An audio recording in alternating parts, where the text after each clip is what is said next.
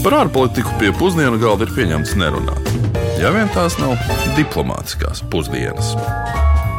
Esiet sveicināti otrdienas diplomātiskajās pusdienās. Mani sauc Uģis Lībijams, un es joprojām esmu Latvijas radio žurnālists. Pie mūsu pusdienu galda arī šoreiz ir Latvijas ārpolitikas institūta direktora vietnieks Kārls Bukovskis kuru gan vismaz uz kādu laiku mēs tagad sauksim arī par Fulbraita stipendijātu ASV Džonsa Hopkins Universitātes starptautiskās politikas institūtā. Cik sarežģīti? Uh, jā, labdien! Um, jā, no šiem dažiem mēnešiem es atradīšos fiziskā prombūtnē Amerikas Savienotajās valstīs, Vašingtonā. Un, uh, faktiski jau arī šī raidījuma skanēšanas laikā tur jau atrodos. Um, taču tas nenozīmē, ka mēs neturpināsim ceļot pa pasaules valstīm. Šis gads mums ir iemācījis, ka ēdienu var gatavot attālināti un arī caur zūmiem var ēst un svinēt, un uh, pusdienot var attālināt, nu, tad arī raidījumus varam mierīgi turpināt gatavot attālināti. Bet šoreiz mēs dosimies uz vienu no, manuprāt, interesantākajām Latvijas valstīm, uh, Venecuēlu, nu, kas ar zināmu regularitāti tās uh, politisko intrigu dēļ nonāk pasaules mediju pirmajās lapusēs. Un arī mums radio ziņu dienestā savulaik pie sienas bija neliels tāds uzrakstīns ar bildīti, ne dienas bez ziņām par Ugo Čavesu. Tas gan bija vairāk, lai kaitinātu priekšnieci, kurai bija visu laiku jālasa ziņas par Veneciju. nu, jā, nu pie Ugo Čavesa un viņa politiskā mantojuma mēs noteikti vēl atgriezīsimies. Bet, nu, tikmēr kolēģis Rihards Blūms devās skaidrot, ko jūs, mūsu klausītāji, esat dzirdējuši par Venecuēlu. Valsts ir Venecuēla. Kas nāk prātā, kad dzird šo valsti? Apvērsums? Nav, īstenībā es nezinu neko daudz par Venecuēlu. Dienvidamerikā korupcija, karstums, nemieri, cilvēku nolaupīšana. Man ir viena draudzene no Venecijas, un viņai ģimenei nolaupīja māsu. Viņai izdevās laimīgi izbēgt, bet uh, jā, asociējās ar valstis, kuras nevēlos doties. Kaut kā kanālis, vīnogas noteikti vīns kaut kas tāds. Grūti spriest. Nu, Geogrāfija nav tā stiprākā puse. No, tā ir Dienvidamerika. Tas ir skaidrs. Kafija. Nu, narkotikas droši vien arī. Lēta nafta. Vai tur diezgan traki iet, man liekas. Tā ir tāda dīvaina valsts. Bet uh, ļoti skaista valsts. Man liekas, es redzēju televīzijā raidījumu, ka tur ir ļoti, ļoti jauki un ka viņi centīsies mainīt to priekšstatu, ka viņi nav nekādi narkotiku tirgoņi, bet ka viņi patiesībā ir jauka valsts. Tāds pārāk tālu, lai uz turieni gribētos aizbraukt. Tiek uzskatīts, ka viens no pirmajiem eiropiešiem, kas spēra kāju uz mūsdienu Venecijas zemes, bija neviens cits kā Kristofors Kolumbs 1498. gadā. Spāņu kolonizācija gan sākās gadus 20 vēlāk un turpinājās līdz pat 1810. gadam, kad Venecija pasludināja neatkarību no Spānijas.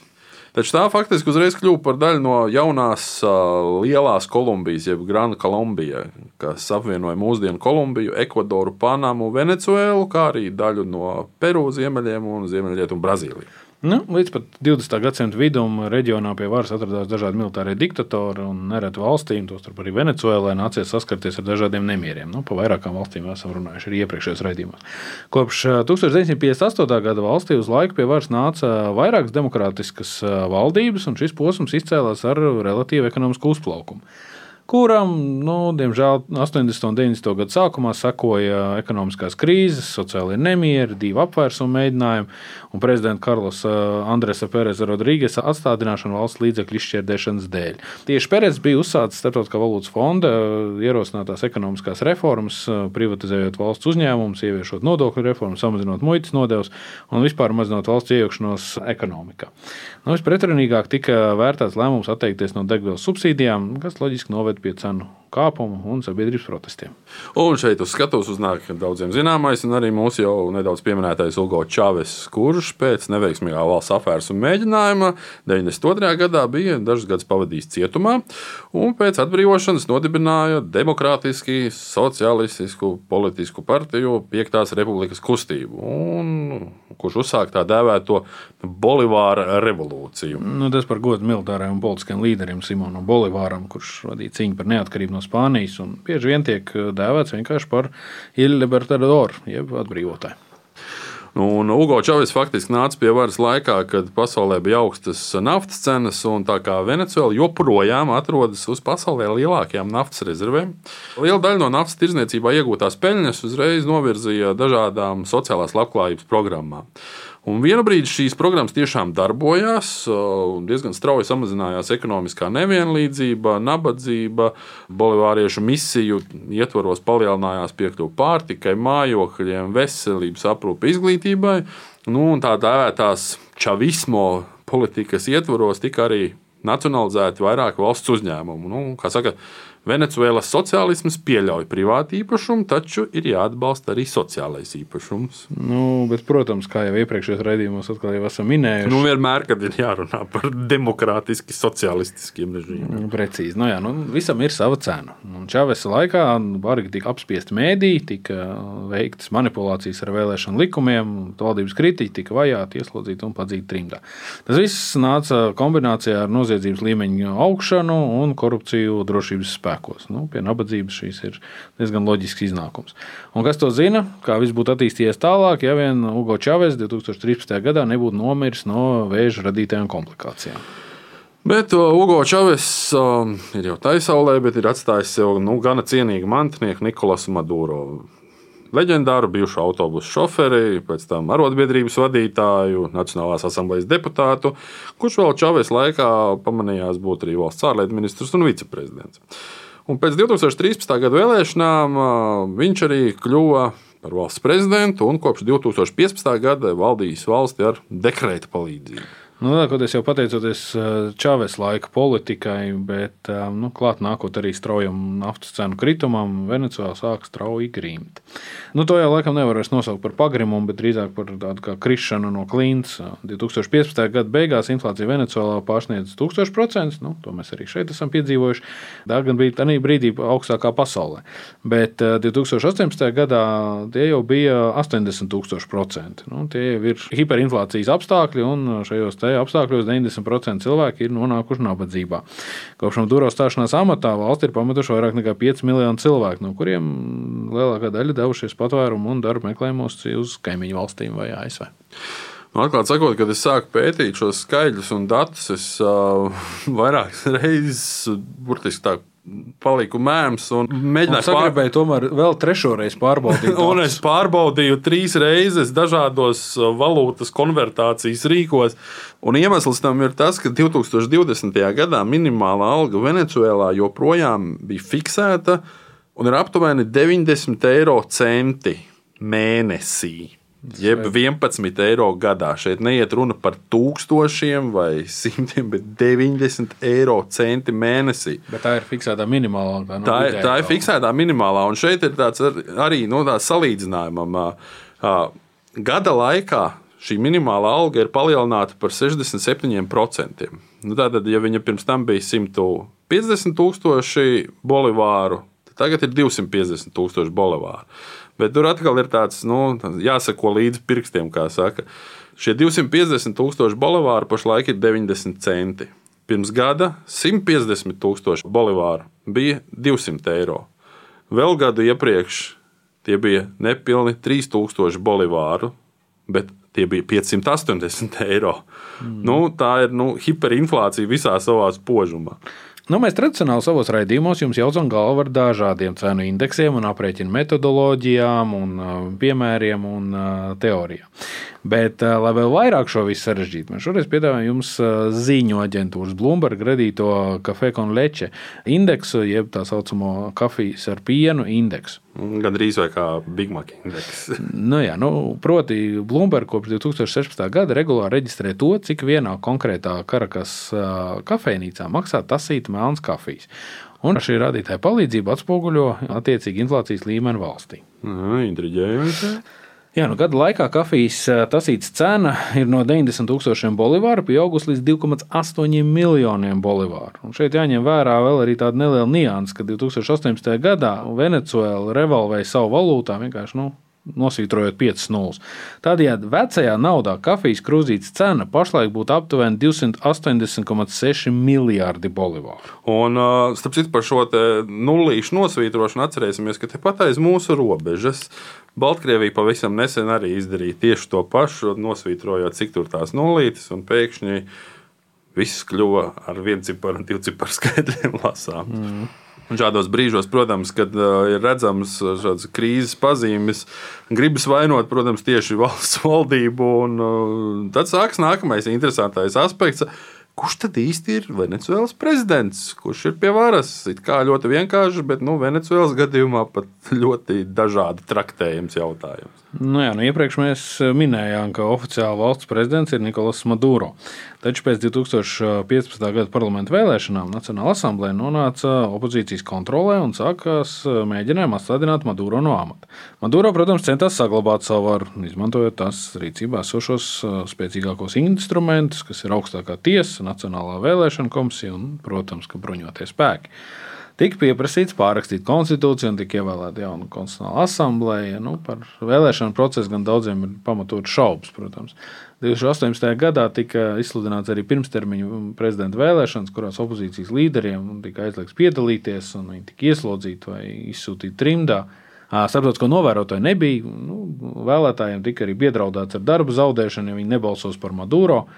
Nu, par spīti starptautiskam nosodījumam 19. gada 10. janvārī Maduro tika iecelts amatā uz nākamo termiņu. Laimīgs beigas.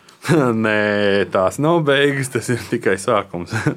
Un šajā situācijā opozīcijas kontrolētās Nacionālās asamblejas līderis Juans Guaido nepilnīgi divas nedēļas vēlāk pasludināja sevi par pagaidu prezidentu, paziņojot, ka Maduro nav spējīgs vadīt valsti. Un Guaido par pagaidu prezidentu atzina vairāk desmit pasaules valstu, tostarp ASV un drīz pēc tam arī Latvija.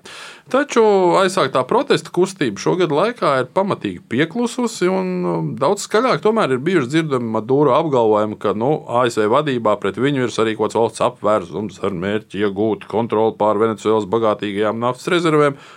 Un rezultātā jau pērnā gada nogalē notikušajās Nacionālās asamblejas vēlēšanās opozīcija spēra visai nu, tādu apšaubāmu soli. Izlēma vēlēšanas boikotēt. No vienas puses, it kā loģisks solis, jo vēlēšanas nebūtu godīgas, bet iznākums ir visai saudabīgs. Maduro ir atguvis kontroli pār parlamentu, bet opozīcijas līderim Guaido faktiski ir beigušās līdzinājās pilnvaras, un viņu arī vairs nevar uzskatīt par prezidentu. Īsāk sakot, neskaidrība ir vairāk nekā saprāšana. Bet to, kāpēc ir izgāzusies līdzinājā Venecijas opozīcijas stratēģija un kāds būtu iespējamais plāns uh, situācijas normalizēšanai valstī, to vispār ir iespējams uh, ietekmēt no ārpuses. Nu, to stāsta ASV domnīcas uh, Udro Wilson Center, Latvijas Amerikas programmas pētnieks un politiskās ekonomikas profesors Venecijas biznesa un sabiedriskās politikas augstskolā Karakasā Maikls Penfolds.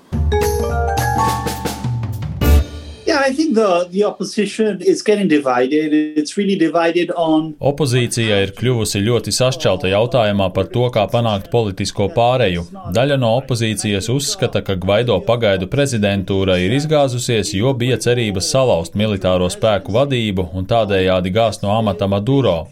Taču tas nav noticis. Un tas nav noticis galvenokārt tāpēc, ka militāristiem ir bail no ASV un citu ārvalstu vadītām politiskām pārmaiņām, jo nav nekādu garantiju, ka šādas politiskās pārmaiņas ietekmēs viņu dziļās korporatīvās intereses. Līdzīgi kā Eģiptē vai Pakistānā, arī Venecuēlā militāristi kontrolē lielus ekonomikas sektorus. Šis tiešām ir spēcīgs aktors, kurš līdz šim nav vēlējies pieļaut procesa virzīšanos uz priekšu bez nopietnām pārunām. Otrakārt, opozīcijas rindās ir arī daudz mērenāk noskaņoti atzari, kuri atzīst. Par spīti tam, ka vēlēšanu process nav brīvs un godīgs, lēmums boikotēt vēlēšanas nav palīdzējis mobilizēt sabiedrību. Tādējādi opozīcija ir zaudējusi tai dotās milzīgās iespējas izmantot šo sabiedrības neapmierinātību un atspoguļot to ielu protestos.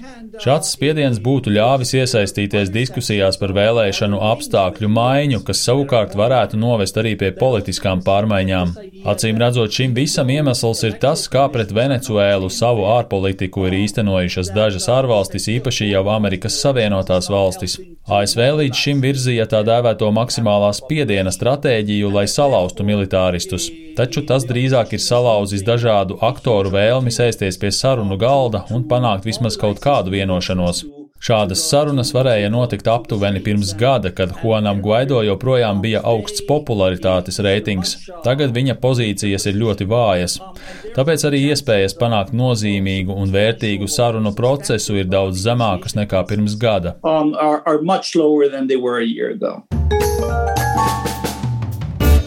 Katru reizi, kad mēs runājam par šādām sociālistiskām valstīm ar atšķirīgiem režīmiem, ar nedemokrātiskiem režīmiem, es tikai varu secināt, ka tomēr tā rietumu pasaules izpratne par to, kā šādi režīmi darbojās, līdz galam nestrādā. Mm. Un bieži vien man ir sajūta, ka daudziem patīk pasteikties ar lēmumu pieņemšanu.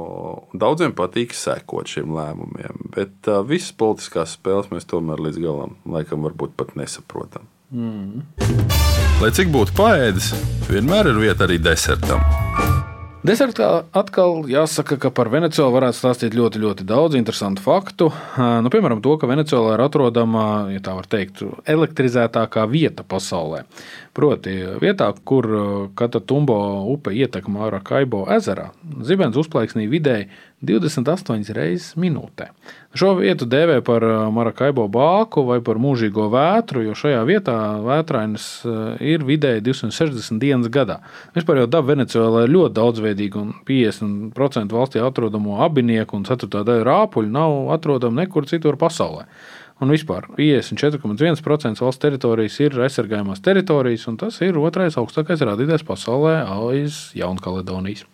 Bet es kā īsts cēsnieks gribētu šajā brīdī parunāt par savu mīļāko upi, par gauju. Proti, Venecijā. Tieši tā.